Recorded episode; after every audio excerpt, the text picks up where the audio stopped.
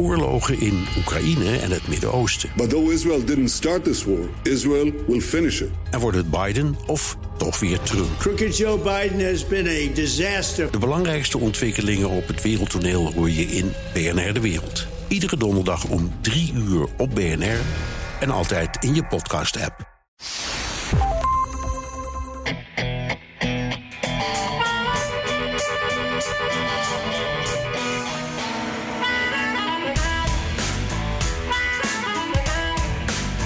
Precies een jaar geleden werd Joe Biden president. Wat is er na een jaar Biden over van de grote beloftes van toen? I didn't overpromise, and what I have probably uh, outperformed what anybody thought would happen.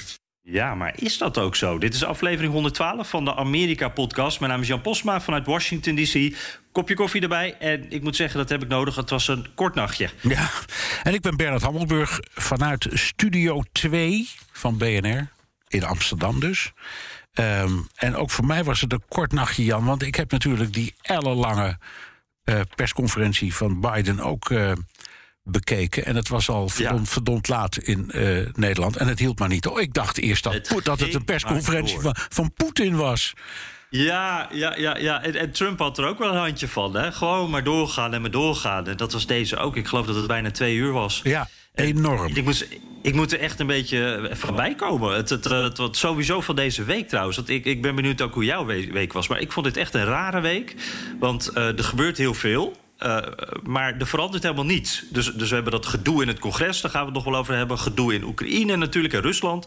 Uh, daar wachten we. Uh, we hebben een eenjarig jubileum met die persconferentie erbij van Joe Biden. En, en, maar ja, goed, dat is ook zo'n moment. dat verandert eigenlijk ook niks. Dus ik, ik, was heel druk met van alles. Maar, maar ik heb het gevoel dat we niet zo verder zijn gekomen. Hoe was dat bij jou? Ja, dat, maar dat is een kenmerk van hele grote ontwikkelingen hè, in de wereld. Zo, zoiets als de Oekraïne-kwestie, ja, dat is, dat is iets wat weken, misschien wel maandenlang het nieuws beheerst. En eigenlijk uh, is het nieuws alleen maar ja, dat uh, Blinken en Lavrov met elkaar praten. Of Biden, zoals die heeft aangekondigd, misschien een keer weer een keer met Poetin gaat praten.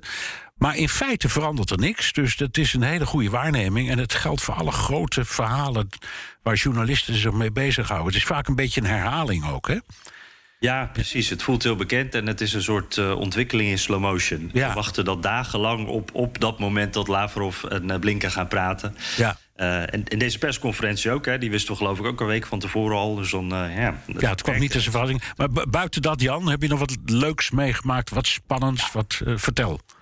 Nou, dat was in ieder geval iets wat ik even uh, mee wil geven. Dat, uh, uh, terwijl ik, ik, ja, ik weet nooit in hoeverre je dat ook in de opname hoort trouwens... maar ze zijn nog steeds het gebouw hiernaast aan het, ja, aan het verbouwen. Jury knikt, van, Jury knikt van nee en ik heb een koptelefoon op en ik hoor het ook niet. Ah, gelukkig. Nou, als jullie oren het niet horen, dan uh, hebben onze luisteraars er denk ik ook geen last van. Uh, ik, ik, hoor het hier wel steeds een beetje zo. Het is zo'n doorgaand bombardement. Maar goed, dat uh, maakt verder niet uit. we, we, hebben, ja, wat heel erg leuk deze week was... we hadden natuurlijk vorige week opgeroepen om op, op ons te stemmen... voor de Radio Ring, beste podcast. Nou, volgens mij is die deadline inmiddels verlopen, dus het kan niet meer. Maar mensen die stemmen, die kunnen dan ook dat linkje delen... op Twitter, op social media. En daar kregen we echt heel veel berichtjes van binnen... van mensen die dus op ons hadden gestemd. En nou ja, bij deze uh, wilde ik iedereen daar toch even voor bedanken. Want dat was, al, uh, het was altijd een hele mooie opsteker, toch? Om te weten dat uh, mensen zomaar die moeite willen doen om op ons te stemmen. En uh, nou, en naar ons luisteren. Ja. En, en, ik wil ook maar meteen zeggen, wat de uitslag ook is, we zullen hem erkennen. Ja, ja natuurlijk. Maar ja, geweldig. Ja, ja, het is geen fake. Hè? Het is echt. Nee, precies. Nee. precies. Um, nou ja. ja, ik wil uh, nog even. Ik, ik, ja, ja, ik, ja, het enige waar, waar ik echt met grote ogen naar heb gekeken was een verhaal van Reuters over de voorbereidingen in de Republikeinse Partij om zodra ze de midterms van november hebben gewonnen, een afzettingsprocedure, een impeachment tegen Biden in te gaan zetten. Ja. En, en ja, toen dacht ik, ja, koekje van eigen deeg. Ik snap wel wat ze allemaal denken hoor, die Republikeinen. Maar ik vond het toch ja. een opvallend bericht. Ik, ik, ik ga me ook afvragen op grond van welke argumenten. Wat, wat gaan ze hem verwijten? Maar ze vinden wel iets, denk ik dan. Ja, want ze hebben ook al gezegd van, uh, uh, nou ja, uh, straks als wij dan de, bij de midterms die verkiezingen eigenlijk hebben gewonnen, als wij de meerderheid hebben, dan stoppen we de onderzoeken van de Democraten en dan starten wij onze eigen tegenonderzoeken. Ja. Dus misschien dat, dat ze hopen, denken dat daar wat uit gaat komen. Maar ja, de, de, de, echte stokerbrandfiguren van de, de, Republikeinse Partij, die roepen al een hele tijd, hè, impeach Biden. Volgens mij zegt Marjorie Taylor Greene het al vanaf de inauguratie zo'n beetje. Ja. Maar waarom inderdaad? Ja, ik, ik ik zie hem ook niet hoor. Welk schandaal dat dan moet worden. Nee. nee. Maar goed, het, belooft weinig uh, positiefs in ieder geval. Precies. Hey, en uh, ja, we zitten al op een punt wat eigenlijk uh, uh, in ieder geval voor Joe Biden niet zo positief is. Hij heeft het best wel moeilijk. Nog nooit stond hij er zo slecht voor in de peilingen. Nou zijn peilingen op dit moment natuurlijk helemaal niks waard. Maar goed, we kijken er toch naar. Er is eigenlijk maar één president die het nog slechter deed. nou, jij kan wel raden wie dat is, denk ik. Bernard? Um, ja, dat, ja, dat moet Thomas Jefferson zeggen. geweest. Nee, natuurlijk. ja, precies. Die het ook nee, nee, notoire slecht deed in de peiling. Nee, Donald Trump natuurlijk. Ja, ja precies. Uh, hij staat er maar een heel klein uh, beetje boven. Ik weet niet eens meer hoeveel. Het hangt ook vanaf welke peiling je pakt. Maar als je het gemiddelde zo een beetje neemt... dan zit uh, beide maar heel vlak nog boven Trump. De, de president die, die ja, het, het, slechtste ooit deed in de peilingen na één jaar. En ja, Biden had echt een paar zware weken. Hè. Nederlagen in het congres... Uh, nederlaag in het Hoge Rechtshof. De, de, ja, dat is een beetje de context van die persconferentie die Biden gisteren gaf, die zo lang duurde. bijna twee uur, was soms chaotisch, vond ik. ik vond Biden ook wel echt fel in zijn verdediging, maar ook wel een beetje rommelig.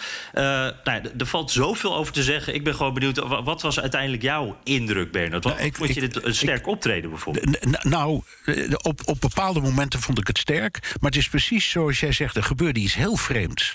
Hij had, wat hij soms kan, van die hele duidelijke, uitgesproken zinnen. Uh, mooi opgebouwde alinea's die goed geschreven waren door zijn staf, die hij met krachtige stem bracht. En daarna ging hij over naar het persconferentiegedeelte, want het begon met een soort toespraak tot het volk. Mm het, en daarna kwam dan de persconferentie en toen kwamen de vragen. En toen veranderde alles, ook, ook hoe hij eruit zag, hoe die klonk. Zijn stem werd zachter. Ik kon hem af en toe niet goed verstaan. Ik, ik heb op een bepaald moment gewoon het volumeknopje wat hoger gezet, omdat ik op een bepaald moment echt dacht: ik hoor niet goed wat die man nou eigenlijk zegt. Zo klonk het op sommige momenten. Ja. Ja. Um, en dan werd hij af en toe een beetje pissig, om het zo maar te zeggen, over een vraag. En dan klonk het weer uh, wat, wat strakker. Maar ik kan me voorstellen dat zijn, de mensen die aan hem twijfelen. Vooral kijken naar die zwakkere momenten. Dus je zag de twee Bidens eigenlijk beter dan ik ze ooit heb gezien op hetzelfde moment. En als je ja. anti-Biden bent, dan word je in je, ja, in je mening bevestigd dat er toch een, een, een man staat die niet zo sterk is, in geval niet zo consequent sterk. En er gebeurden ook nog andere dingen. Hè. Er waren op het laatst vooral, toen, toen dus de vaste namen waren geweest. En de, de, de, niet, de niet zo belangrijke journalisten en de rechtse journalisten hun vragen mocht, mochten stellen. Um, toen begon hij af en toe aan een antwoord. En dan zei hij dingen als. Ja, daar kan ik van alles over zeggen, maar dat doe ik niet. Punt. En dan ging hij naar de volgende. Ja. En er, er vielen dus. Voor mij waren, vielen er heel veel vraagtekens ook. Dus ik vond het een wonderlijk optreden. Niet onsympathiek, moet ik erbij zeggen. Dus er stond niet iemand aan wie je. op het moment dat je daarnaar staat te kijken of zoiets. dat je een soort afkeer van krijgt. Gebeurt ook wel eens. Maar ik vond het onduidelijk. Het bracht mij echt in de war. Ik dacht, ja, wie is nou de echte. Uh, uh, Biden. En hij kan krachtig en, en duidelijk spreken, maar hij valt ook vaak terug in dat fluistertoontje. En dan is hij toch weer dat mannetje dat in de kelder zat in zijn eigen huis. Zo zie ik het dan toch. Ja, ja, ja. ja. ja nee, dat, dat, dat uh, en dan, ik heel erg, ja. En dan ook... En dan, dan heeft hij zichzelf ook niet echt een, een dienst bewezen... door er zo'n lange nee, conferentie van Nee, en, en, en de, kijk, dat, ik geloof dat jij dat in BNR De Wereld ook al zei... toen we het daarover hadden. Maar het was ook een beetje, denk ik, laten zien... van ik ben groot en sterk, hoor. Ik kan het best twee uur lang.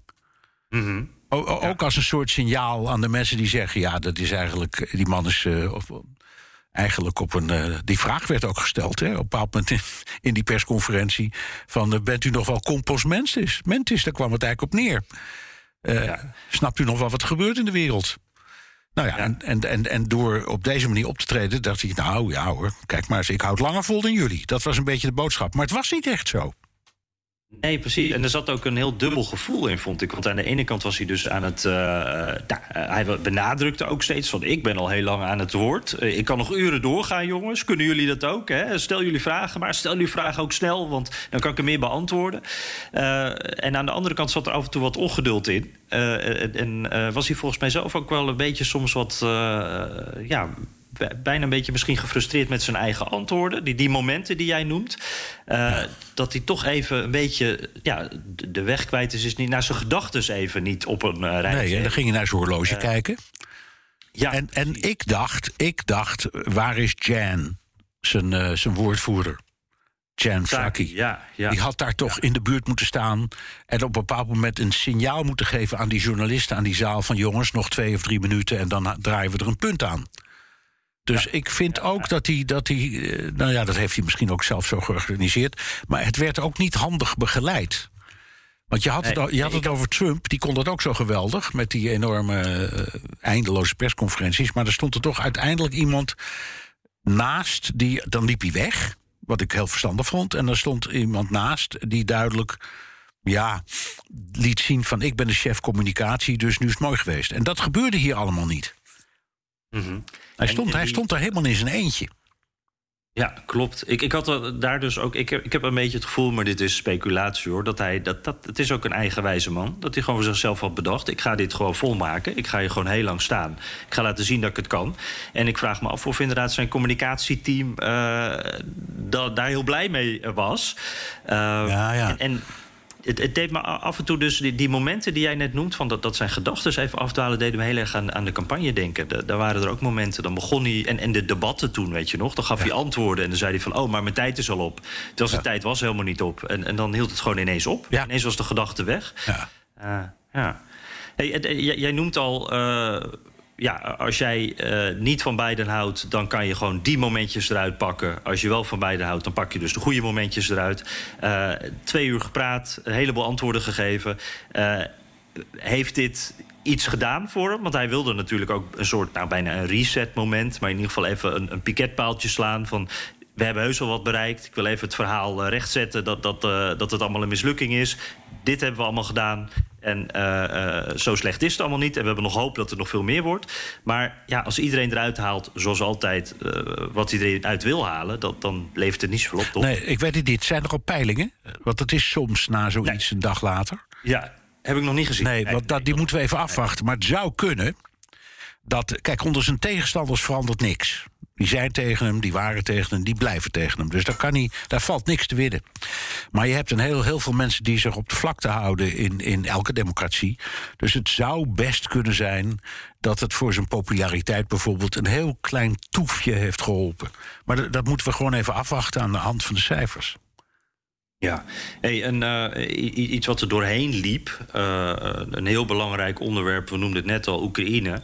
Uh, Biden wilde het natuurlijk eigenlijk vooral over zijn eigen uh, uh, ja, zijn eigen werk hebben. Maar Oekraïne is natuurlijk iets wat enorm uh, ook de agenda bepaalt op dit moment, ook in Washington. Um, daar gaf hij een paar hele eerlijke, een paar hele duidelijke antwoorden over. Dat zorgde ook voor wat schrik hier en daar. Hoe, hoe, uh, hoe keek jij eraan? Nou, ja, ik, dat, het bracht mij voornamelijk in verwarring.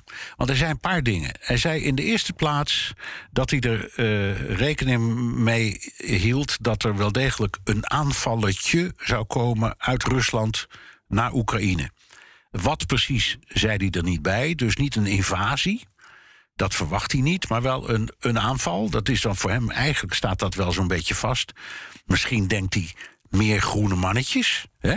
naar uh, Oost-Oekraïne, maar niet echt de krijgsmacht. Uh, maar toch. Dan zei hij. later ook nog over cyberaanval. Ja, cyberaanval. Nou, dat is heel terecht, want die zijn bezig. En dat is natuurlijk. Hè, dat heeft de vorige week, of de week daarna, daarvoor. is er een enorme cyberaanval geweest op Oekraïne. Dus dat zal best. Mm. Um, en tegelijkertijd zei, zei hij in een tussenzinnetje: ja, het, Poetin weet natuurlijk best dat Oekraïne vooralsnog geen lid wordt van de NAVO. Nou, toen ging ik echt helemaal rechtop zitten, want dat is de kern van de zaak voor Rusland. Dus toen dacht ik, als je dat nou vindt, waarom zeg je dat dan niet gewoon tegen Poetin? Hè, dan kun je, je kunt best zeggen, ja, het principe is daar, we gaan er zelf over, de NAVO en, en Oekraïne ook. Maar ja, dat voldoet nog lang niet aan de criteria die we daarvoor hebben. Dus dat is helemaal niet aan de orde. Dat zou ontzettend helpen. En het derde En punt. waarom? Ja, Oh ja, pak, maak eens dat derde ja, en het derde punt is dat hij ook zei van ja, ik verwacht wel dat ik zelf nog een gesprek met Poetin, een topconferentie had hij het over, hè, een summit zal hebben. Dus die drie dingen, die drie elementen, die verwarden mij enorm. Waar heb je het nou precies over? Ik weet het niet. Ja, want hij zegt dus aan de ene kant, eh, eh, eh, het is eigenlijk, het gaat gewoon gebeuren. Poetin gaat gewoon eh, een inval doen. En tegelijkertijd zet hij ook de deur open. Ja. Zegt hij, want want dat, dat vraag ik me dan wel af. Jij zegt van waarom zegt hij dat niet gewoon direct tegen Poetin? Van eh ze worden voorlopig geen lid van de NAVO. Eigenlijk doet hij dat dus nu, indirect tegen Poetin. Eh, wa- wat is de tactiek daar dan achter? Om dat, dat, denk je, om dat nu te doen en niet al eerder? Of is dat misschien al eerder gezegd? Nou, kijk, hij is, een, hij is een man, die, dus wat je ook van hem zegt en vindt... het is iemand die echt verstand heeft van geopolitiek. En ik denk dat hij een van degenen is die begrijpt... dat de crux van dit verhaal toch is en blijft... de ergernis van eh, Rusland over de positie van Oekraïne. Daar kunnen wij van vinden wat we willen...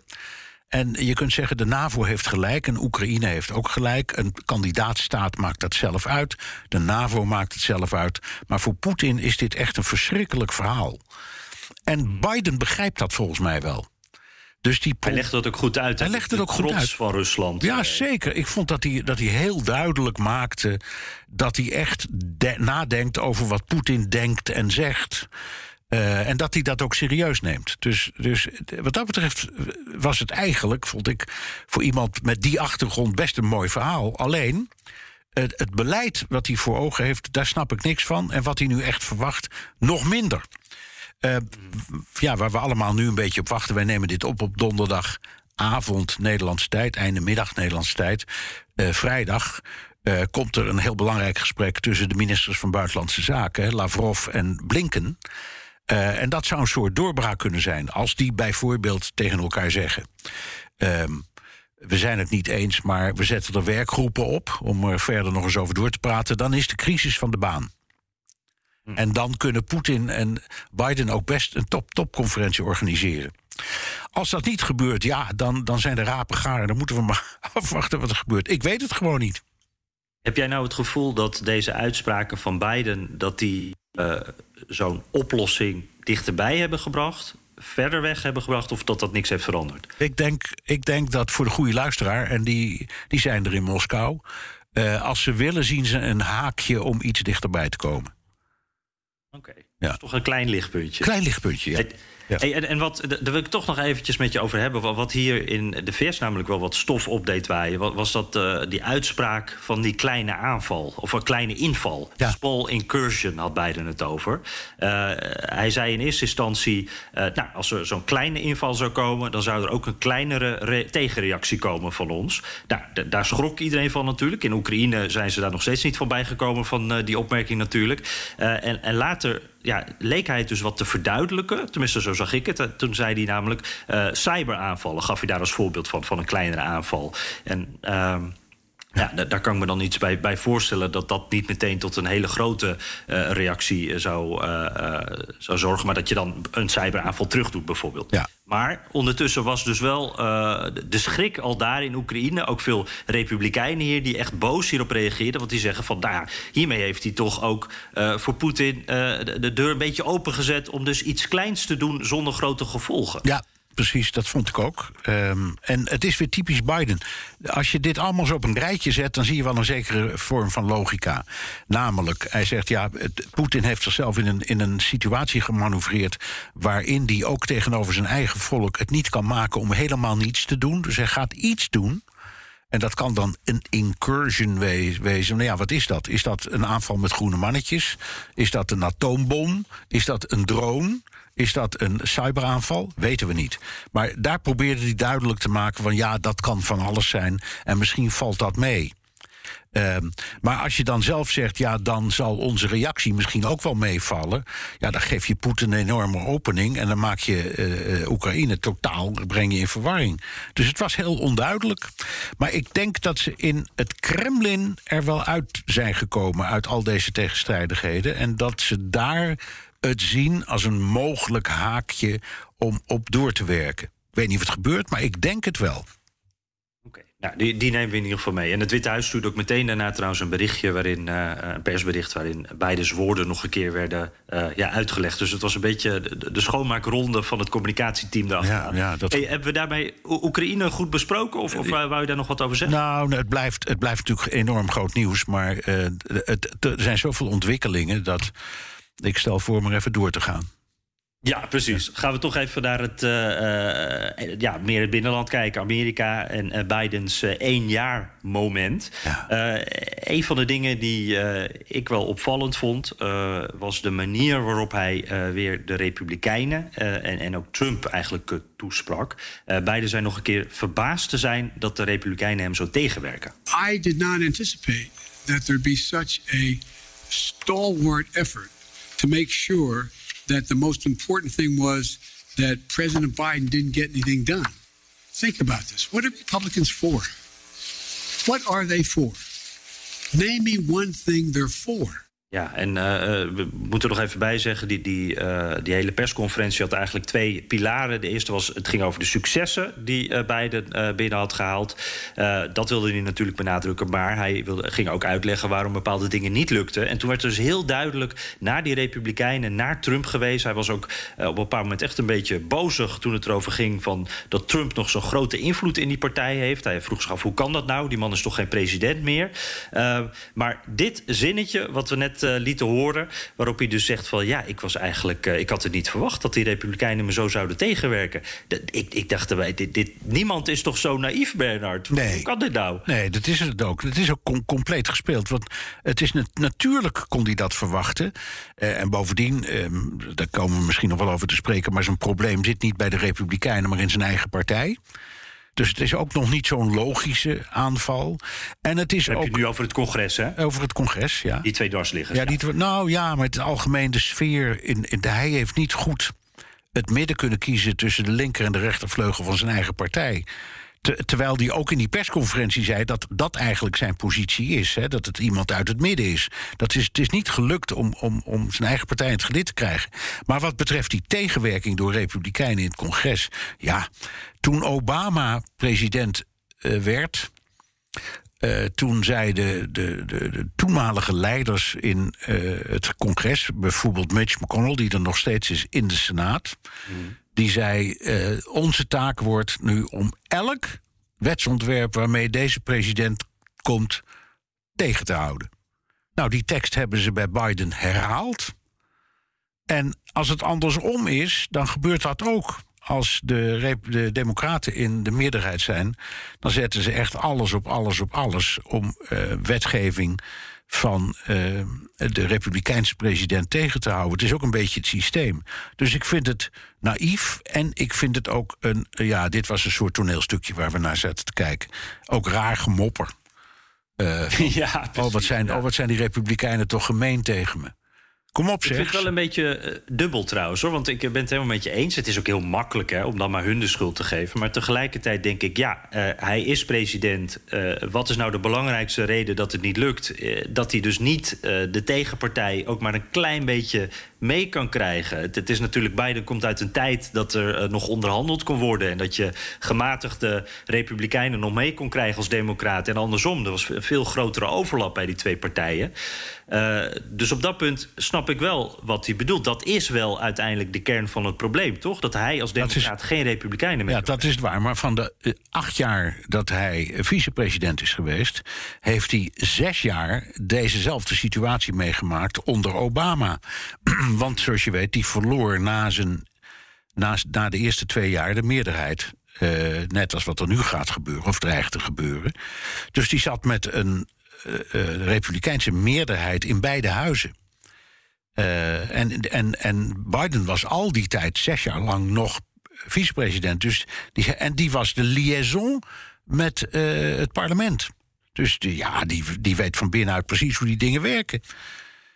Dus het, denk je dan, dit was eigenlijk ook dus een heel, een, een beetje, dit is een populistische opmerking. Denk, denk je dat dit, uh, dat dit aanslaat? Dat uh, zijn kiezers hier gevoelig voor zijn? Um, daar heb je het weer. Ja, zijn eigen kiezers zullen zeggen: ja, dat is toch potverdomme ook wat. Want wij willen dolgraag dat hij slaagt. Um, maar zijn tegenstanders die maken een klein vreugdedansje. Die zeggen: ja, dat is precies wat we willen. En het werkt. Dank u wel, Republikeinse Partij. Dank u wel, meneer Trump. Gaat goed ja, met ons. Ja, ja. He, dus, dus het is wie het vraagt. En ja, eh, hadden wij niet uh, nog eventjes een e-mailtje uitgewisseld over een onderzoekje? Uh, hoeveel mensen die op Biden hebben gestemd, inmiddels bij nieuwe verkiezingen dat niet meer zouden doen? Ik geloof iets van 14 procent of zo. Nou, dat, ja, daar viel ik wel even van achterover hoor. Ja, en daar, 14 procent. Ja, ja, en, en, en daar zit uh, een, een deel van jouw antwoord. Ja, ja, ja. precies. Hey, uh, wij moeten ook maar even de balans opmaken, denk ik. Uh, want we hebben het nu veel over de persconferentie gehad. Dit moment, dit ja, eikmomentje. maar laten we ook eens naar de inhoud kijken van wat Biden dan precies heeft bereikt. Ehm, eerst ben ik wel benieuwd wat jij denkt. Wat is de belangrijkste reden dat Bidens populariteit zo is gedaald? Ik, ik denk zelf meteen, ja, mensen zijn ook coronamoe. En daar, daar is iedereen gewoon chagrijnig over. Ja. Kijken ze naar de president. Ja, ik denk dat dat het grootste probleem is. Uh, en vooral ook omdat hij, ja, dat weten we allemaal nog. In het vorige voorjaar had gezegd op 4 juli, de nationale feestdag. Ja. Dan draaien we hier een punt aan, dan is het allemaal over. En dan gaan we allemaal weer lekker barbecuen met elkaar in de tuin. En dan vieren wij de komst van de zomer. En, uh, we, en we leefden nog lang en gelukkig. van het virus. Ja, we leefden nog lang en gelukkig. Hè? Dat was een beetje ja, de inzet. Ja, ja, nou, dat is helemaal misgelopen. Overigens in de rest van de wereld ook. Alleen, dat is de prijs die je betaalt voor zulke stelligheid. Uh, als je dat nou ja, het was een soort belofte. Hè? Het was niet iets van wat hij verwachtte. Nee, hij bracht het echt als een belofte. En dat, dat mensen zijn boos. Nou, en daarna heb je die enorme strijd gekregen. Dat is echt een, ja, een richtingenstrijd. Eh, tussen de, de, de, de, de, de, de voorstanders van het vaccin en de tegenstanders. Dat, dat vind ik nog altijd. Dat is in alle landen zo. Ook in Nederland speelt dat. Je hebt een groepje dat is tegen. Uh, nou, je hebt de hele, nu die hele kwestie gehad van. Uh, Djokovic, wiens voornaam tegenwoordig Novax is. ja. En, ja. En, en, dus dat speelt zich overal af. Maar in Amerika heeft dat een veel diepere. Ja, het is, het is een politieke strijd geworden. Uh, en, en, Wat ook heel makkelijk is, omdat alles daar ook al een politieke strijd is. Dus ja. dat gaat dan heel makkelijk ook meteen in diezelfde manier door. Hè? Ja, maar als je dan, als je dan uh, laten we zeggen, voor of tegen vaccinatie, of voor of tegen mondkapjes, of voor of tegen beperkende maatregelen inzet maakt van een politieke strijd, in plaats van een strijd tussen deskundigen over hoe de volksgezondheid het best wordt gediend, ja, dan, krijg, dan wordt dat effect vergroot. Dus jij noemt het corona-moeheid, corona, misschien boosheid. Uh, ik denk dat dat inderdaad de belangrijkste factor is. Uh, en, en, om dan meteen even een brug te slaan, uh, in meerdere opzichten. De, hij, je zegt hier dus eigenlijk, uh, Biden heeft eigenlijk de verkeerde belofte gedaan. Hij heeft te grote belofte gedaan. Ja, te grote mond gehad, ja. Ja, en dan moet ik meteen aan een ander onderwerp denken. Uh, dat bruggenslaan, de verdeeldheid in het land. Je noemt het ook net al. Wat natuurlijk veel breder op allerlei uh, manieren in, in de maatschappij hier te merken is in Amerika. Uh, daar zei hij ook van, dat ga ik veranderen. Ik ga die brug slaan. Nou, dat is duidelijk ook niet gelukt. Heeft hij daar, daar heeft hij eigenlijk precies hetzelfde gedaan. Daar heeft hij ook een te grote belofte gedaan. Ja. Hij zegt steeds, ik, ik los het op. Ja. Hele grote problemen die al heel lang bestaan. Ja. ik, ja. Ik, ja, ik moet zeggen dat nou ja, gevoelsmatig sta vind ik dat toch iets anders dan die coronabelofte. Want je, hij dacht dat hij erover ging, maar dat was niet zo. Dat is namelijk een virus dat erover gaat, wat je, wat je ook van vindt. Maar dat is de vijand. Uh, terwijl de oproep om samen te komen en wat meer aan eenheid te denken en aan elkaar en de verdeeldheid te lijf te gaan. Dat was, het was naïef, maar het was wel heel aardig bedoeld. Uh, en het, en het, het, het, kwam op de hielen van die ingewikkelde periode met eh, met Trump en eh, de, de- vlak na die, de bestorming van het Capitool. En, nou, noem allemaal maar op. Het, de, de- en, en, en die strijd over wie er nou gewonnen had. En eh, het waren hele zware tijden. Dus dat iemand die dan de macht overneemt zegt... zullen we eens proberen om wat aardiger met elkaar om te gaan... ja, dat, dat, vind, ik, dat vind, ik niet onaardig. Eh, eh, het, het, het was naïef en, en ja, mensen zijn wie ze zijn... en ze trekken ze daar ook niet zoveel van aan. Maar dat begreep ik nog wel. Dus, eh, en is het hem gelukt? Nee, helemaal niet. Nee.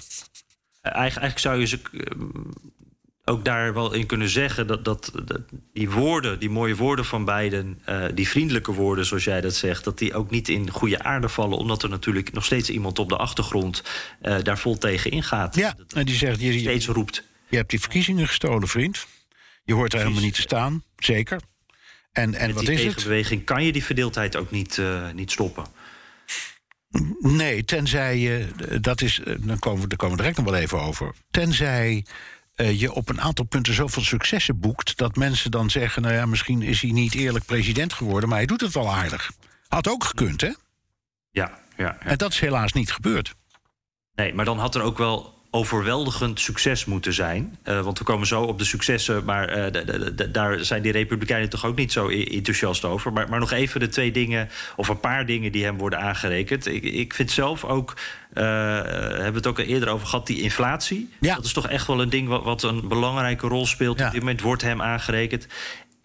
En denk ik ook een hele lang- belangrijke psychologische. Dat is die terugtrekking uit Afghanistan. Ehm, en, en dat was ook het moment waarop de peilingen naar beneden gingen. Eh, het moment waarop eh, eh, het gemor eigenlijk begon en het begon te kantelen voor Biden. Ja. En ik denk dat dat ook echt psychologisch zo'n ja, grote indruk heeft gemaakt. En dat dat, dat ook echt wel een, een soort molensteen is voor, eh, voor Biden. ook zo, hè. Inflatie heel concreet in de portemonnee. En Afghanistan als een soort Ja. ding in het hoofd van de Amerikanen. Ja, nou, die inflatie die kan hier niet zoveel aan doen. Hè. Dat ligt aan, de, aan olie en dat ligt aan, aan eh, eh, aanvoerroutes die door, de, door elkaar zijn. Hij zei ook in die per- persconferentie wat die aanvoerroutes betreft... daar kunnen we echt wel wat aan doen. Dus dat gaat, die inflatie gaat wel weer een beetje naar beneden. Ik denk dat dat ook zo is, hoor. Maar goed, dat, op dit moment is het nog niet zo. En de mensen betalen zich het schompers in de supermarkt. Laten we eerlijk zijn. De prijzen zijn enorm gestegen in Amerika. De, de, ik, ik, ik, ik heb, eh, je weet, net een tijd in New York gezeten. Ik denk altijd, als ik even naar de supermarkt ga... dan moet ik daarna naar het armenhuis. Het is niet meer te geloven. Ehm, Nee. en wat die overhaaste terugtrekking uit Afghanistan eh, betreft... daar had hij het ook over in de persconferentie. En toen herhaalde hij wat hij al eerder heeft gezegd... Van het kostte miljarden per week. En eh, er was al door de vorige president beloofd dat we eruit zouden gaan. En we waren al over die deadline heen. En langer blijven had absoluut geen zin. Dus ik, ja, dan moet je op een bepaald moment besluiten om te zeggen: dan doen we het maar. Eh, nou, dat was ook. Daar, daar, houdt- daar, blijft, daar houdt hij het op. Eh, Ja. ter- terwijl. Dat is wel consequent, maar Ja. daarbij voelt voor mij ook wel een beetje het, het gevoel. Je, we hebben die beelden gezien, we hebben de chaos daar gezien. Bij mij voelt. Ik heb ook het gevoel van dit had veel beter gemoeten. Natuurlijk. En, en hij, makkelijk om en- naar Trump te wijzen. Ja, er, hij is ook nog een punt door de mand gevallen. Hij heeft het niet overlegd met de bondgenoten. Ja. Ehm, Ja. waar, en, en die bondgenoten, waaronder Nederland, maar ook heel veel andere landen, die, die hebben Amerika al die jaren door trouw gevolgd. In eh, de politiek in, in Afghanistan, ook in Irak trouwens. Maar in afval, er zijn de- de- dus al dit soort kwesties, daarin daar zijn de bondgenoten heel trouw geweest aan Amerika. En op het moment dat die, die terugtrekking had bedacht, heeft hij het meteen gedaan. En ik geloof dat hij al alleen Boris Johnson eh, heeft gebeld en misschien nog iemand anders. Maar de Europese Unie of, of, of een land als Nederland, die moesten het bij wijze van spreken in de krant lezen. Dat gaf ontzettend veel eh, woede. Ook in Amerika, omdat ook, of dat nou Republikeinen of Democraten zijn, mensen die dat soort nieuws interessant vinden, die zagen dat hij een, een deuk opliep als wereldleider. En eh, Amerikanen zien hun president graag als leider van de wereld, wat hij ook eigenlijk is. Dus ook daarin zat echt een enorme fout. En dat valt niet meer recht te praten, vrees ik.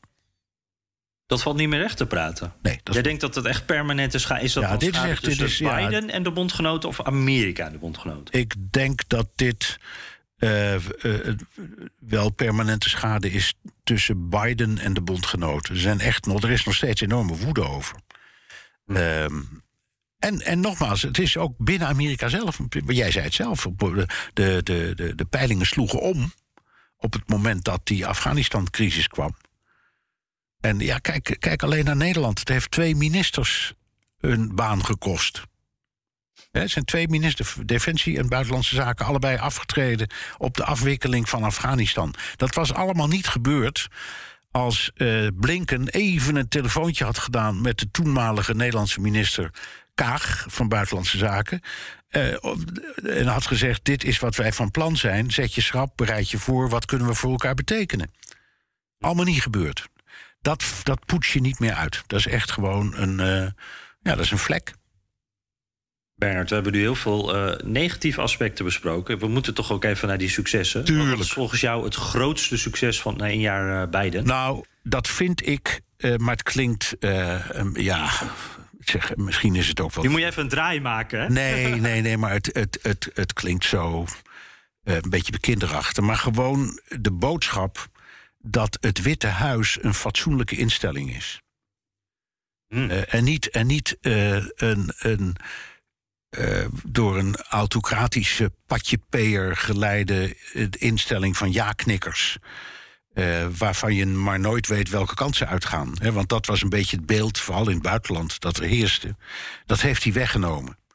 En daar heeft hij ook de nadruk op gelegd. En ook de manier waarop hij klungelig en al zo'n persconferentie doet. Je kunt op alle, uh, je kunt op alle slakken zout leggen en je kunt precies de fouten aangeven. Maar er staat niet een onfatsoenlijke man. Er staat geen schreeuwlelijk. Er staat geen ijdele man. Uh, er staat geen narcist. Uh, er staat niet iemand die, die neerkijkt op anderen of op, ja, op, op bondgenoten, wat dan ook. Dus dat vind ik het echt. Misschien is dat wel het allerbelangrijkste. De, de het fatsoen is teruggekeerd. Levert dat wat op? Weet ik niet, maar het is wel gebeurd. Het is eigenlijk wel mooi. Wat je nu zegt is de reden waarom, denk ik, de meeste democraten op hem gestemd hebben. Denk Hij ik is ook. niet Trump. Denk, denk, ik ook. Denk ik ook. Het was natuurlijk een, uh, elke verkiezing is altijd een referendum over de, over de vorige president of de zittende president. Dat was hier ook zo. Maar die fatsoenskwestie speelde echt bij heel veel mensen een, een, rol. Ook, ook bij mensen die best wat met Trump hadden. En het, waren, het zijn en waren er, zoals je weet, heel veel. Maar ik hoor ook van Trumpisten nu dat ze het betreuren dat hij weg is, dat ze denken dat hij terugkomt, maar dat ze het ook wel een erg grote schreeuw vinden. Ook, ook aanhangers zeggen dat. Nou, dat heb je in afval met deze man niet. Ik, en, en als we het over beleid hebben, want uh, de, laatste weken is er natuurlijk heel veel aandacht voor de dingen die mislukken. Uh, Build Back Better plan, dat, dat hele grote sociale en groene plan wat stokte in de Senaat, omdat die twee uh, democratische senatoren ook niet mee wilden stemmen. Naast natuurlijk alle republikeinen die niet mee wilden doen. vannacht is die, ja, die, die stemming over de, de filibuster en de hervorming van de kieswetten daarmee ook. ja, dat is allemaal vast komen te zitten. Dat was een beetje voor voor de bühne allemaal. Want democraten wisten ook wel dat dat dan niet zou worden. Uh, maar er is heel veel aandacht voor die, uh, die dingen die niet gelukt zijn de laatste tijd. Maar hij heeft natuurlijk ook dingetjes wel bereikt uh, de afgelopen jaar. Ja. dat corona-hulppakket van 1800 miljard dollar. Ja, groot dat, bedrag. Ja, dat was echt dat was een groot stuk. Dat had Trump trouwens ook gedaan. Hè? Eerlijk is eerlijk. Er waren ook mm -hmm. onder Trump hulppakketten. Maar 1800 miljard is veel geld. En het is, dat was echt, daar hebben echt heel veel doodgewone Amerikaanse burgers ongelooflijk veel hulp doorgehad. Dus het, het, was in die zin een, een, een, uh, nou ja, een on-Amerikaans, bijna socialistisch soort van ingrijpen. Hè? We gaan nu het volk helpen en het bedrijfsleven helpen. Dat was gewoon goed. Uh, maar ja. nog, hij was niet de eerste. Nogmaals, Trump heeft het ook gedaan. Maar ik vond, wat dat betreft, verdient hij een pluim. En uh, waar ik uh, vind dat hij een pluim voor verdient, is dat infrastructuurplan. Ja. Uh, 1200 miljard dollar, ook heel veel geld. De grootste investering in, ik geloof iets van 80 jaar in de Amerikaanse infrastructuur. en dit is dan zo'n heel groot plan waar Republikeinen ook meegestemd hebben. Zeker. Voor mij is dat zijn grootste verdienste. Ja, dat is ook zo. Voordeel hiervan. Het zal al op korte termijn leiden tot werkgelegenheid. Want het opknappen van alles wat er moet worden opgeknapt Daarvoor zijn echt duizenden uh, mensen nodig. Het Maar meteen wel de vraag: is het ook op korte, ge- eh, genoeg op korte termijn, zeg maar, kort genoeg? Want het, het- voor die verkiezingen gaan we. Nou, dat weet ik idee. niet. Maar misschien dat dan de eerste projecten al worden aangenomen. Dat weet ik niet. Het nadeel is dat het resultaat zie je pas over tien jaar. Want dit soort, dit soort eh, verbouwingen, zal ik maar zeggen. Ja, dat, dat zijn, dat, die nemen vijf tot tien jaar. Zeker. Snelwegen, bruggen, dat zijn mega-projecten. Dus hij, wat dat betreft zullen de Democraten en de, ook de Republikeinen hebben voorgestemd. Maar zal de politiek hier niet zo verschrikkelijk veel baat van hebben. Dus waar de winst in zit, is banen.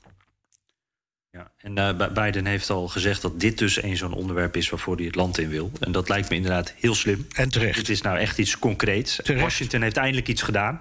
Nou, en wat is het nodig, Jan? Want, Ja. want jij en ik trekken veel door dat land. En ik denk elke keer als ik daar door die, over die wegen hobbel met die grote gaten erin. Van wat voor raar derde wereldland is dit? Het is de hoogste tijd dat het gebeurt. En hij heeft het toch maar mooi geregeld. Ja, precies.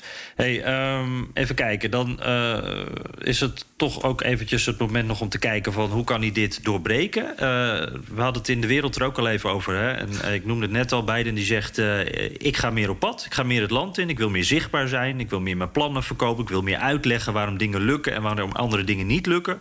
Ehm, hij zegt: ik ga meer advies aan externe adviseurs vragen. Dat ga ik anders doen in, het, in de komende periode om het tijd te keren. En de derde punt: ik ga me intensief bemoeien met de verkiezingen.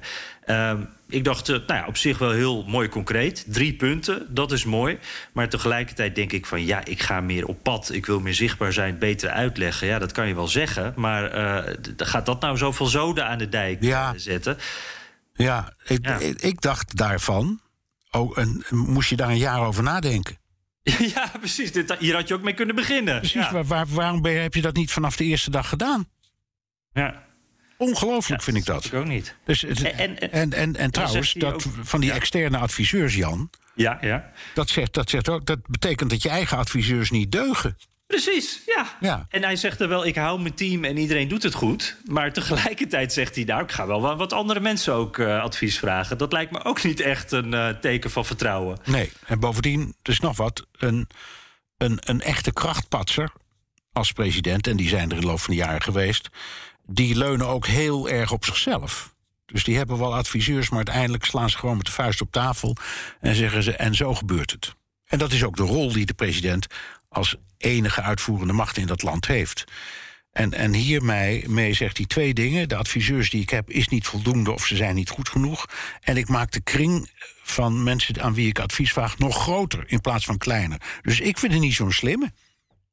Ja, en, en ik denk dat dat mogen we hem ook wel aanrekenen. Want hij kwam natuurlijk binnen als de man met ervaring, met het netwerk. Hij weet precies hoe Washington werkt, kent iedereen. Iedereen kent hem. En nu komt hij er dus inderdaad na één jaar achter van... wacht eventjes, ik heb misschien niet de juiste externe adviseurs.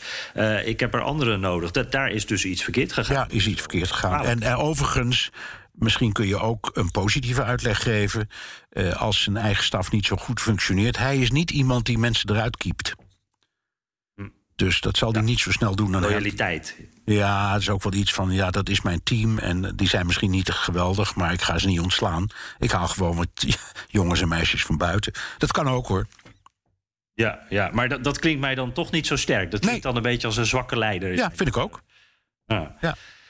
Hey, en eh, ja, het is nog geen eh, november natuurlijk. Hij kan nog aan een flinke eindsprint eh, beginnen. Eh, daar heeft hij echt nog wel wat tijd voor. Er kan nog een hoop gebeuren de komende maanden. Helemaal juist als de druk groter wordt. En ik denk ook binnen die Democratische Partij als die druk groter wordt. Want die, al die senatoren, ook die twee die dwars liggen... eh, die zien toch ook aankomen dat er verkiezingen aan zitten te komen. Die willen ook eh, succes voor hun eigen partij. En het is al nog helemaal geen 2024. Dus er is echt nog wel wat te doen. Zie jij, eh, kijk, je bent een optimist, dat weet ik. Zie jij dat optimisme ook nog wel voor Biden? Eh, nou, ik moet wel mijn best doen. Uh-oh. Ja, nee, eerlijk gezegd, eerlijk gezegd heb ik grote twijfel... of hij deze tegenslagen allemaal nog in kan halen. Maar je hebt gelijk, op zichzelf kan het hoor. Als, als bijvoorbeeld die inflatie behoorlijk gaat instorten... eh, als uh, corona nou eindelijk achter de rug komt. En daar ziet het wel een beetje naar uit in de wereld. Ja, als je zegt de inflatie instorten, bedoel je dus eigenlijk dat het weer beter gaat? Dat het weer beter wordt, ja. Dat het minder hoog wordt, ja. Dus er kunnen wel dingen gebeuren. En als de werkgelegenheid zo blijft toenemen... dan zijn dat wel sterke punten in die campagne. Uh, en dat, die campagne speelt zich af op plaatselijk niveau. Hij zegt: Ik ga me daar meer mee bemoeien. Dat is heel goed. Hij gaat campagne voeren voor de mensen die voor die partij opkomen. En als dat soort verhalen komen, ja, dan hebben ze wel iets. Dus het zou kunnen. Het zou kunnen. Maar ik zie, ik, ik, laten we eerlijk zijn, ik zie het niet. Ik ben, ik ben, ik ben er niet zo uh, optimistisch over hoor. Nee, ik heb dat ook wel. Dat ziet, alle seinen staan nu wel eh, op rood, eh, denk ik. Uh, maar ik moest tegelijkertijd ook denken aan de primaries. Uh, toen Biden ook op een bepaald moment echt niet meer in beeld was om te winnen. Het zat er echt niet meer in. En, en ik kan me nog herinneren dat ik door uh, New Hampshire volgens mij reed. En er stond ergens die Biden campagnebus onder, op, op een lege parkeerplaats te wachten tot hij klaar was met uh, handjes schudden. Dat zag er zo desolaat, uh, zo verloren zag dat eruit. En dat ik dacht, ja, dit gaat echt niet gebeuren. En een paar maanden later was hij koploper. hij werd president. hij zit gewoon in dat Witte Huis. Dus er kan echt ook nog weer een hoop gebeuren. Dat is waar, maar in primaries zijn het mensen van dezelfde partij tegen elkaar. Ja, ja, ja, ja, ja. ja. Dus dat is andere situatie. Ja. Ook waar hoor. hey Bernard, uh, met dit alles, uh, zo een beetje samenvattend, uh, moest ik aan iets denken. Een theorie waar ik een tijd geleden over las. ik heb hem ook met jou gedeeld, het verhaal erover. en dat gaat over de hooggespannen verwachtingen die er altijd voor een president zijn. Want nou, die waren er met beide natuurlijk heel ambitieuze plannen. Nou ja, hij heeft nu eh, met de realiteit te maken ook. Uh, ik moest ook aan Obama denken, waar dat precies hetzelfde was. Of waar, waar die verwachtingen nog veel hoger gespannen waren. Ja. Um, Clinton. Dat is best... Clinton, die ook na twee jaar de meerderheid verloor. Ja. Ja, dat enorme optimisme en, en ook dat, dat wensdromen, geloof ik, eh, dat, dat, dat is iets van alle tijden. Uh, dat is ook wel raar, want we weten dat de president en Biden ook beperkt wordt door, uh, nou, door, door, door, bepaalde checks en balances. In dit geval een minimale meerderheid in de Senaat. De externe factoren waar we het ook al over hebben gehad. en toen kwam ik een term tegen die ik wel interessant vind: de Green Lantern Theory. Green Lantern, dat ja, is een groepje superhelden in Amerikaanse stripboeken. Ik ben hier geen kenner, dus uh, uh, vergeef me als ik het een beetje uh, eenvoudiger uitleg dan het eigenlijk is. Maar dat is een soort, soort, ja, soort groep superhelden. En als je, die krijgen een ring. En als ze die ring hebben, dan zijn ze bijna onoverwinnelijk. En, en die theorie gaat nu over het geloven dat de president alles kan. Uh, als hij maar hard genoeg uh, probeert. Dus je wordt president, dan krijg je als het ware die groene ring... en hoef je alleen maar heel hard te werken... of de juiste methodes te gebruiken.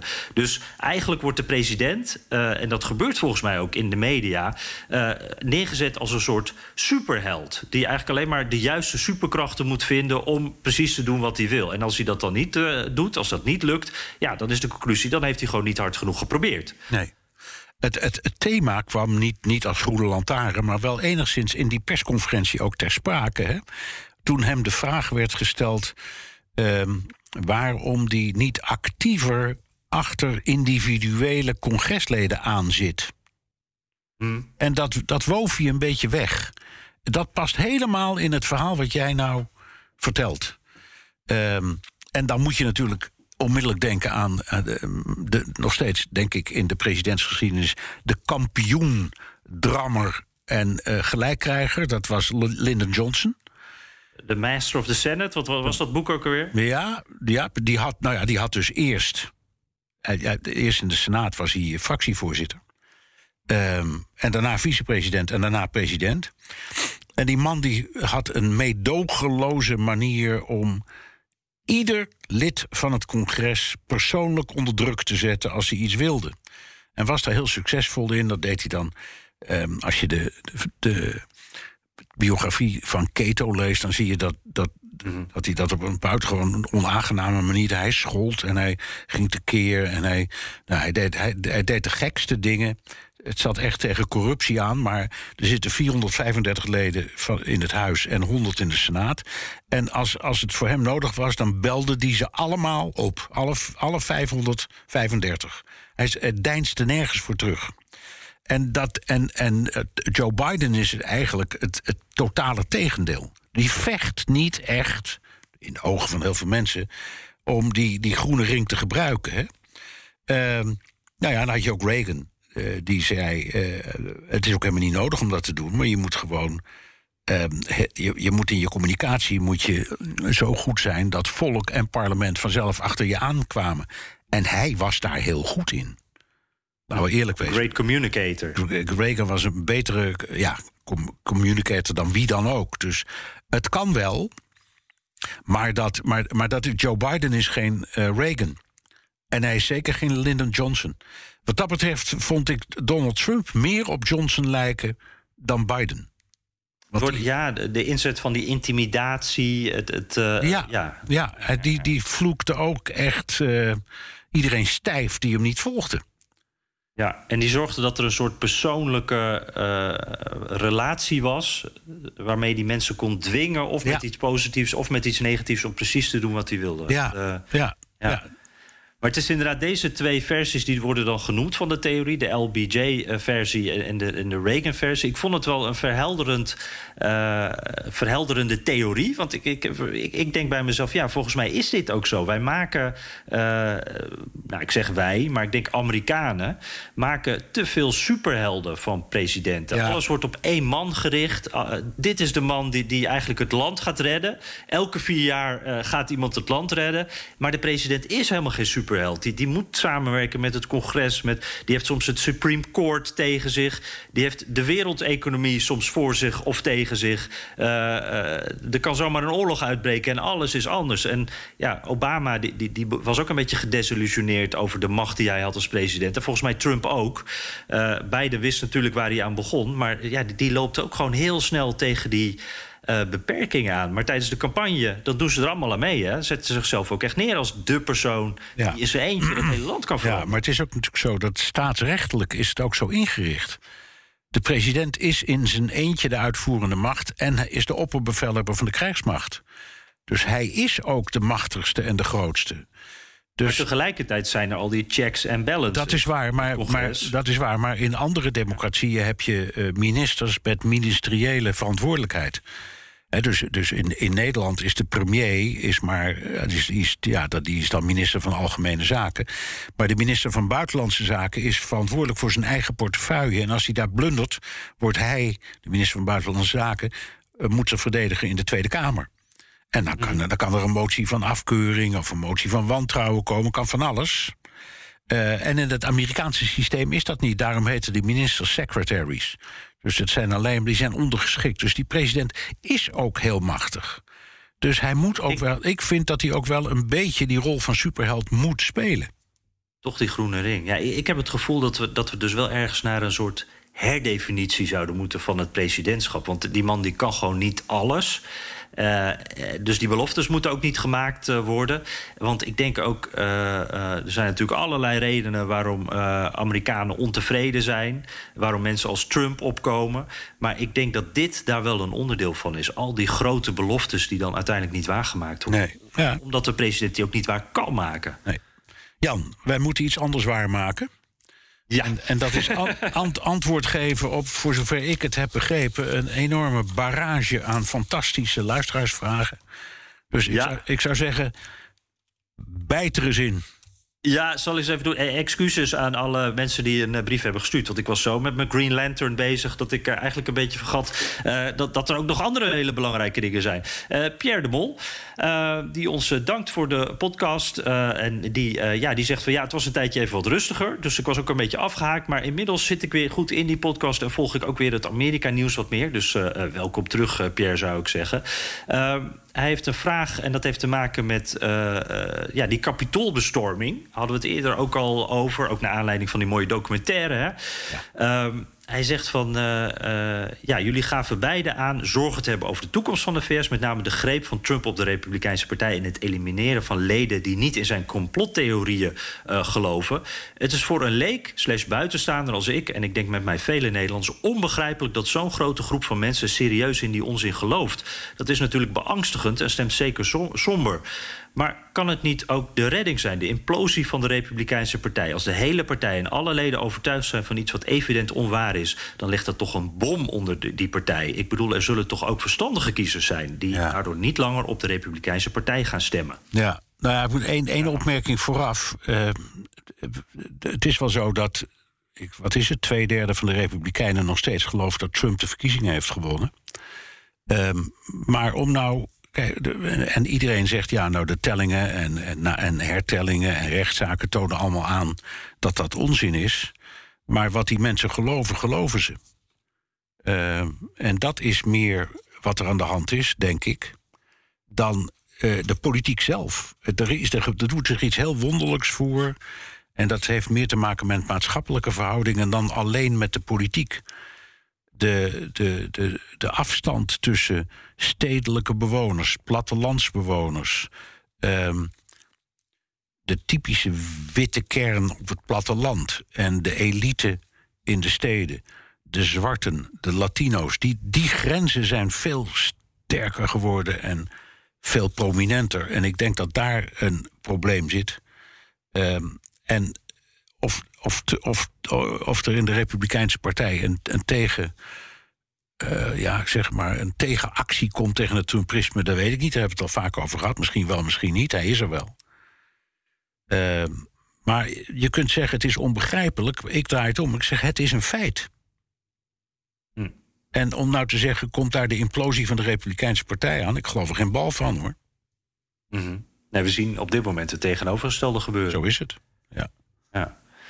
Komen we zeker nog op uh, terug, Pierre. Dank in ieder geval voor je vraag. Uh, Jan de Jager uh, die zegt voor de verandering eens niet een politieke vraag. recent heb ik de film Nomadland gezien, die het leven schetst van de zogenaamde nomads. nou, die film heb ik ook gezien. Heb jij hem ook gezien, Bernard? Nee. Ja, het, is echt, het is een hele mooie film, een hele ingetogen film. Het gaat over een vrouw uh, uh, in Nevada. die raakt haar baan kwijt. Die gaat eigenlijk in haar RV gaat ze, het, het, land door. Of, of ze, ze kampeert eigenlijk. Ze, ze, woont niet meer in een huis. En ze werkt dan bij... Uh, ja, bij, bij, volgens mij bij Amazon uh, distributiecentra en dat soort dingen. Uh, van die low-wage banen waar je makkelijk binnenkomt en ook makkelijk weer weg bent. En zo reist ze door het land. En zo zit ze eigenlijk in van die communities waar allerlei van dat soort mensen zitten. het is echt een hele, ja, het, het, is een trieste, maar ook echt een hele mooie film. Um, en uh, ook een hele mooie rol voor Frances McDormand, die dat echt fantastisch speelt. Uh, de vraag die erbij komt, ik vraag mij af of dit inderdaad een veel voorkomend verschijnsel is. Zijn er inderdaad zoveel mensen die voor een dergelijk bestaan kiezen? Uh, en kunnen deze mensen bijvoorbeeld stemmen of aanspraak maken op gezondheidszorg? Ja. En, nou, ik had sowieso, die, die, die, film die is gebaseerd op een non-fictieboek. en ik weet ook dat in die film zitten ook echte nomads. Dus echt mensen, dat zijn geen acteurs, maar dat zijn mensen ja. die ook echt zo door het land reizen en zo hun leven indelen. Dus er zijn er zeker. Ik weet niet hoeveel er te zijn. Ik ook niet, maar en, het zijn er een heleboel. Kunnen ze stemmen? Ja, want het zijn gewoon staatsburgers. Kunnen ze aanspraak maken op gezondheidszorg? Ja, want als je onder de armoegrens zit, dan val je onder iets dat heet Medicaid. En dat is gezondheidsvoorziening eigenlijk voor armen. Dus daar kunnen ze wel aanspraak op maken. Uh, het maakt hun leven niet uh, zoveel beter. Ik weet niet of, of stemmen nou zoveel verandering brengt in hun leven. Want het is, het is inderdaad een, een, uh, ja, het is een, een, een, grote, grote groep. Ja, we hebben het ook al eens eerder gehad over die enorme tentenkampen in Los Angeles, ook in andere steden. Waar jij bent daar een tijdje geleden ook nog eens wezen kijken. Ja, ja het, is een, het is een ernstige vlek op de Amerikaanse samenleving. Ja, dit, dit, dit, is ook, dit zijn een beetje mensen die, die keren zich ook eigenlijk een beetje af van de maatschappij. Dus zeker. ik vraag me af of je nog wil stemmen, inderdaad, als je ja, zeker. voor dit leven kiest. Ja, ja maar je, je, je komt niet weg met het argument dat het, dit het leven is dat ze zelf kiezen, vind ik. Althans, ik kom daar voor mezelf niet mee weg, laat ik het zo zeggen. Nee, ik constateer ja. als ik dat zie van ja, deze mensen willen niet anders. Die willen op straat wonen of die willen als nomad leven. Uh, de clochards, zoals ze vroeger in Parijs werden uh, geromantiseerd, die wilden dat zelf. Ik kom daar voor mezelf, met mijn eigen geweten, niet mee weg. Nee, ik geloof in, in deze film, nu moet ik even diep graven hoor... maar volgens mij had de hoofdpersoon, die, die moest ook iets, een, een verlies verwerken... van haar man misschien. Ik weet niet precies hoe dit zat, maar dat weten de mensen die de film hebben gezien wel. Maar dat, dat was dan uiteindelijk de reden dat zij wel zelf voor dit leven koos. Maar het is ook een ja, uh, lage inkomens, lage levenskosten, geen huis meer. Ja, het is... Uh, dit, ja, dit, het is niet ideaal, zullen we maar zeggen, als levenskeuze. Uh, maar een waanzinnige film. En uh, Jan de Jager die vraagt ook... kunnen niet vaker dit soort tips geven over dit soort films? Nou, zeker. Ik, we gaan erop letten. En als jullie die hebben, laat ze ons weten. Guido Goluke als ik het goed zeg. Uh, die is, uh, dat is een oud student journalistiek. Overigens net twee jaar gestopt, zeg hij, zegt hij. Maar hij zegt, ik kan zeer waarderen dat jullie je uiterste best doen... om journalistieke principes hoog te houden. Toch heb ik een opmerking en een vraag. Mijn opmerking. De nadruk ligt soms te vaak op de vorm... en niet genoeg op de inhoud. En hij noemt ons als voorbeeld... Ja, jullie hebben het vaak over het spinnen van gebeurtenissen. Jullie betitelen dan een uh, publiek optreden van Trump bijvoorbeeld als slim.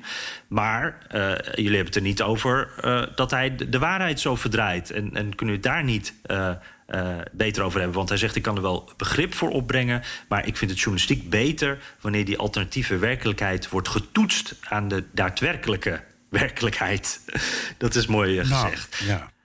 Ik, ik, vind, ik, heb, ik, ik, ben het ja? er niet Ik vind dat we dat doen. Ja, ik heb het we zeggen ook wel. Dat toetsen doen we ook. Ja, ja. Ja, ik, dacht, ik, ik zat wat even. Ik, ik, probeerde wat in zijn hoofd te kruipen. Ik denk van ja, misschien is het wel zo dat we het soms wat minder doen. Omdat we het er ook vaak. We hebben het er op de radio dan wel eens over gehad. Uh, we gaan er ook wel vanuit uh, dat mensen wel bepaalde dingen wel weten. Dan voelt het wel eens wat dubbel. En ik. ja, bij Trump ook wel het idee van ja, we weten dat hij regelmatig liegt. Dat benoemen we ook. Uh, maar na vijf jaar dan, ja, dan is het benoemen denk ik niet meer het hoofdpunt. Dat punt zijn we denk ik wel een beetje voorbij. Nee, en dan willen we ook graag uitleggen waarom hij ligt... en wat de gevolgen daarvan zijn. Ja, en hoe weinig het uitmaakt voor zijn aanhang. Ja. Dat is ook een heel belangrijk ding. Ja, oké. Okay. Dus, dus nou, dat, dat is in ieder geval de gedachte erbij. Dank Guido. Uh, Lou Emerenciana nou, dat is in ieder geval de, mooiste achternaam. Uh, Prachtig deze ja. uh, rubriek. Ja, uh, ik moet het met gewoon Postma doen. Ik luister naar jullie tussen de dagelijkse activiteiten door. Bij het koken, wandelen, met de hond, tijdens het fietsen of naar bed gaan. en hij heeft twee dingen: een kritische constatering en een vraag. Eerst de kritische constatering. In de laatste en ook eerdere afleveringen over de commissie die de bestorming van het kapitaal onderzoekt, doen jullie allebei, Jan en Bernard, een verkeerde aanname door te veronderstellen, dus haakjes aanname, dat de commissie op zoek is naar aanwijzingen dat de voormalige president iets te maken zou hebben met de bestorming. In mijn beleving is de commissie bezig met waarheidsvinding. Ik irriteer me op jullie insinuaties en speculaties. Uh, als neutrale journalist is het wijzer om de uitkomst en aanbeveling van de commissie eerst af te wachten, toch? Uh, nee. oh. Nee, dat vind ik, gewoon, dat, dat vind ik gewoon niet. Uh, dit is een, een hele grote nieuwszaak. Er is geen medium in de wereld, van links naar rechts, dat, de, dat dit onderzoek niet volgt, dat daar niet over publiceert. Dat als er wat uitlekt of wat nieuws is, of um, zoals nu bijvoorbeeld het, het Hooggerechtshof net heeft gevonden dat uh, uh, uh, vertrouwelijke documenten van Trump wel mogen worden gebruikt in die procedure. Dat is kerstvers nieuws. Ja, dan, dan, dan brengen we dat gewoon. En ik zou niet weten wat je, wat je anders zou moeten doen. Wat moet je zeggen? Moet je wachten tot die commissie ooit met zijn conclusies komt? Nou, ik weet A, weet ik helemaal niet of dat gebeurt. En, en twee, weet ik helemaal niet wanneer dat gebeurt. Dat kan best nog een jaar duren of zoiets. Dus ik zou niet weten waarom uh, we dat niet gewoon mogen volgen. Ja, en, ja, ik moet eerlijk en, zeggen en, dat en, ik... en bovendien, um, waarheidsvinding. Nou, uh, dat kan. Uh, maar het is natuurlijk ook een politiek instituut. Hm. En het is een door de Democraten bepaalde koers die hier wordt uh, gevolgd. Dus of, de, ik kan niet beoordelen hoe objectief dat wordt. Ik weet niet precies welk element van het onderzoek nu in objectieve juridische zin bijvoorbeeld strafbaar is of niet. Dat zijn allemaal dingen die we niet weten en waar we ook vaak over praten. En dat zijn inderdaad speculaties, geen insinuaties, vind ik. Dus ik ben het gewoon niet eens met Lou zijn kritiek. Ja, ik, ik uh, snap het uh, ook niet helemaal, uh, als ik eerlijk ben. Want ik, ik zat ook even wat na te denken. Wat zijn dan die insinuaties? Wat, wat is het nou waar hij zich zo aan stoort? Ehm, ik, ehm, en dan, dan denk ik van ja, we weten dat het doel uiteindelijk, of in ieder geval één van de doelen. Maar ja, de Trump is natuurlijk heel belangrijk. Dus dat Trump een van de, de doelen van dat onderzoek is. Van wat is de rol van het Witte Huis? Wat is de rol van het congres in dit geheel? Dat is gewoon het onderzoek. Dat weten we ook van de commissieleden die dat ook gewoon verteld hebben. En de man bovenaan de, grote piramide is nou eenmaal Donald Trump. Uh, dat zijn geen insinuaties. Dus ik, ik, weet niet of ik misschien wat verkeerd begrijp. Of. Um, ja, uh, nou, als wij de vraag verkeerd be begrijpen, uh, laat het ons dan weten. Dan uh, ja. ja. kunnen we het er nog even over hebben. Maar op dit moment zie ik inderdaad niet helemaal wat, nou, wat u bedoelt. Nee. Nou, zullen we er nog eentje doen, Bernard? Ja, ja, ja dat we graag. Want we hadden nog. Sander. Bremer. Ehm, Oh ja, die uh, willen het even hebben over de status van het onderzoek naar uh, Trump. Uh, weer Trump, dat andere onderzoek, namelijk naar belastingontduiking en zo. in de staat New York. ik hoor er al een tijdje niets meer over, zegt hij. wel belangrijk. ja, hoe zit dat eigenlijk? Ja, en er was deze week nieuws over, hè? Van ja, zeker. Want volgens mij, volgens mij ging het erom dat hij de rechtmatigheid van de procedure bestreed. Ja. Het, het, gaat dus, het gaat dus om het inzien van zijn financiële administratie van de Trump-organisatie. Hè? Hm. Uh, waarvan dan de kern is dat als het ging om het verkrijgen van een lening, voor, voornamelijk bij de Deutsche Bank, dan werd uh, zijn vermogen, het kapitaal, dus de, dus de, de taxatie van het vastgoed zo hoog mogelijk ge, uh, ge, ingezet. En als het ging om de belastingaangifte, dan werd het juist zo laag mogelijk ingezet. Um, nou, dat is op zichzelf in de zakenwereld niet zo ongebruikelijk om daar een klein beetje, ik zal maar zeggen, de nadruk te verleggen. Maar in, in dit geval is het waarschijnlijk zo ver gegaan dat het strafbaar zou kunnen zijn. En hij heeft zich enorm verzet tegen de rechtmatigheid van die strafzaak. Dat heeft hij nu verloren. Dus al die, hij moet al die documenten overhandigen. Hij moet ook en hij wordt dus ook voor deze zaak vervolgd. Dat betekent overigens uh, nog niks, want Donald Trump is net zoals iedere andere burger onschuldig tot zijn schuld wordt bewezen. En het is ook de vraag of het over hem privé gaat. Want het gaat, deze zaak gaat vooral over de Trump-organisatie. Dat, is, ja, daar... dat is een vennootschap. Ja, ja daar was ook wat nieuws over uh, twee dagen geleden. Want de, de aanklager van New York, die uh, Letitia James... Die stuurde ineens heel laat op de avond... in Amerika laat op de avond stuurde ze een paar tweetjes eruit. En ook een, een soort... nou, er zaten ook wat papieren die, die, naar journalisten werden verstuurd. En daarin zei ze... wij hebben duidelijke aanwijzingen dat Trump... waarschijnlijk of mogelijk heeft gefraudeerd met de waardes van vastgoed. Er werden iets van zes of zeven voorbeelden genoemd, waaronder ook uh, persoonlijke uh, uh, bezittingen van hem. en zij, ja, zij, zij, zij, stookt eigenlijk het vuurtje even op. Ze voert de druk wat op. Zij zegt van ja, wij willen echt dat Trump zelf en ook zijn kinderen komen getuigen. De, dus ja, de, hier wordt echt eventjes de boel opgepookt. En dit gaat dan om die civiele zaak. Die kan leiden tot een rechtszaak of boetes. En daarnaast hebben we dan nog de aanklager van Manhattan, is dat volgens mij fans. Ja. Cyrus Vance Jr. Ja. ja. Ja, en volgens mij weten we daar uh, nou ja, wat, wat, minder van hoe dat ervoor staat. Maar die twee werken samen, hè? dus dat, uh, ja... Zeker, een, uh, zeker. Als maar, de ene het weet, weet de andere het ook. Maar ze zijn volgens mij al minstens vier jaar bezig. Dus het duurt wel lang, vind ik. En dat, ja, dat, ja, dat, dat, maakt het verhaal dan altijd weer wat zwakker. Dus het is afwachten. Ja, hij zegt nog trouwens... van, kunnen jullie nog aangeven hoe jullie eigenlijk Amerikaanse zenders kijken in Nederland? Ja, ik weet het. Hoe, hoe doe jij dat ook alweer? Um, ik, ik heb een link, maar die weet ik niet uit mijn hoofd. Waarin je door kunt schakelen. Oh ja, dat heet iets met Planet TV, denk ik. Dat moet je even googlen, uh, Tom. Sander? Ja, ja, Sander, neem me niet kwalijk. Uh, uh, je, als je, ja, Planet TV of zoiets, dan krijg je op een bepaald moment een link. En die link die geeft toegang tot Fox, MSNBC en CNN. Allemaal onder één dingetje en het is gratis en het is legaal. Dus je doet niets wat niet mag. Okay. Zo kijk ik altijd. En zo ja. bij zo'n persconferentie van Trump of van uh, Biden, dan kijk ik natuurlijk naar Fox. En niet naar CNN, want ik wil weten hoe die ermee omgaan. Ja, ja, ja. ja. ja.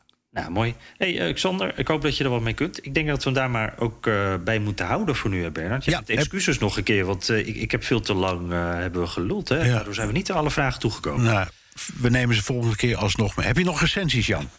Ja, oh ja, daar had ik er nog wel een hele mooie. Uh, Aladan Durin, die zegt uh, prima verhalen in achtergronden, uh, vijf sterren. mooie podcast. Iedereen die deze mensen voor ingenomenheid verwijt... heeft geen oog voor de feiten die zij bespreken. Dat er veel idioots gebeurt in de VS... daar kunnen Jan en Bernard ook niets aan doen. Waarvan acte. nee, zo is het. Terugluisteren kan via de BNR-site, Apple Podcast of Spotify. Heb je vragen, opmerkingen, kritiek of complimenten... dan kan dat ook met een tweet naar Jan Postma USA of BNR De Wereld. Of heel ouderwets met een mailtje naar dewereld.bnr.nl. Ja, en uh, laat ons ook even weten hoe je naar ons luistert en waar. Dan zijn we de volgende week uh, gewoon weer. Met uh, Biden één jaar en één week als president. Tot volgende week, Bernard. Tot volgende week, Jan.